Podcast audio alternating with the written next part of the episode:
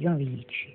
Gian Vilici si disse che sa pindina che duinia di vassimeta alla riti era di più bel effetto, che stilo, che tuttavia, cuso capo di pirato, una pindina era quasi naturale da villa.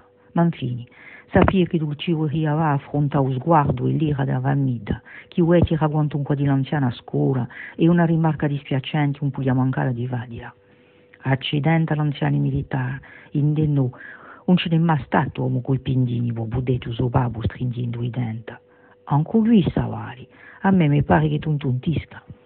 Non era mica insulta che annarbaio più a Gian Felice che era di guidi supportevoli e non hai inteso d'altri.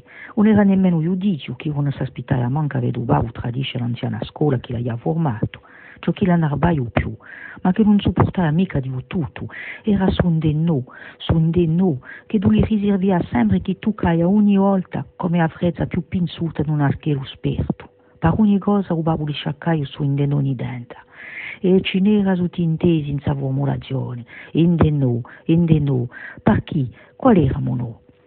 Eravamo medulle l'altro, in cui ci n'eravamo attaggiati, deboli, agli antitorti, l'altri anche assassini, no, eravamo giustizia verso un'evegata, l'onestità, l'integrità, ce n'era esempi che Gian Vilici podia mintuare di vituperati, di tranti e di sviati, fratelli cucini, che su noi era sensato di integrare a chi un paga i suoi impositi, a chi faceva credere che tu passiva ai studi di economia e mangiava i soldi dei parenti incontinenti.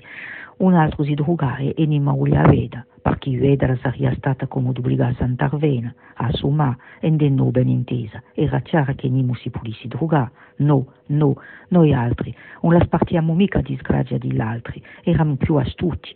Inde no, non c'era casinati e di grida la cuissa permetteva di poter parlare degli altri.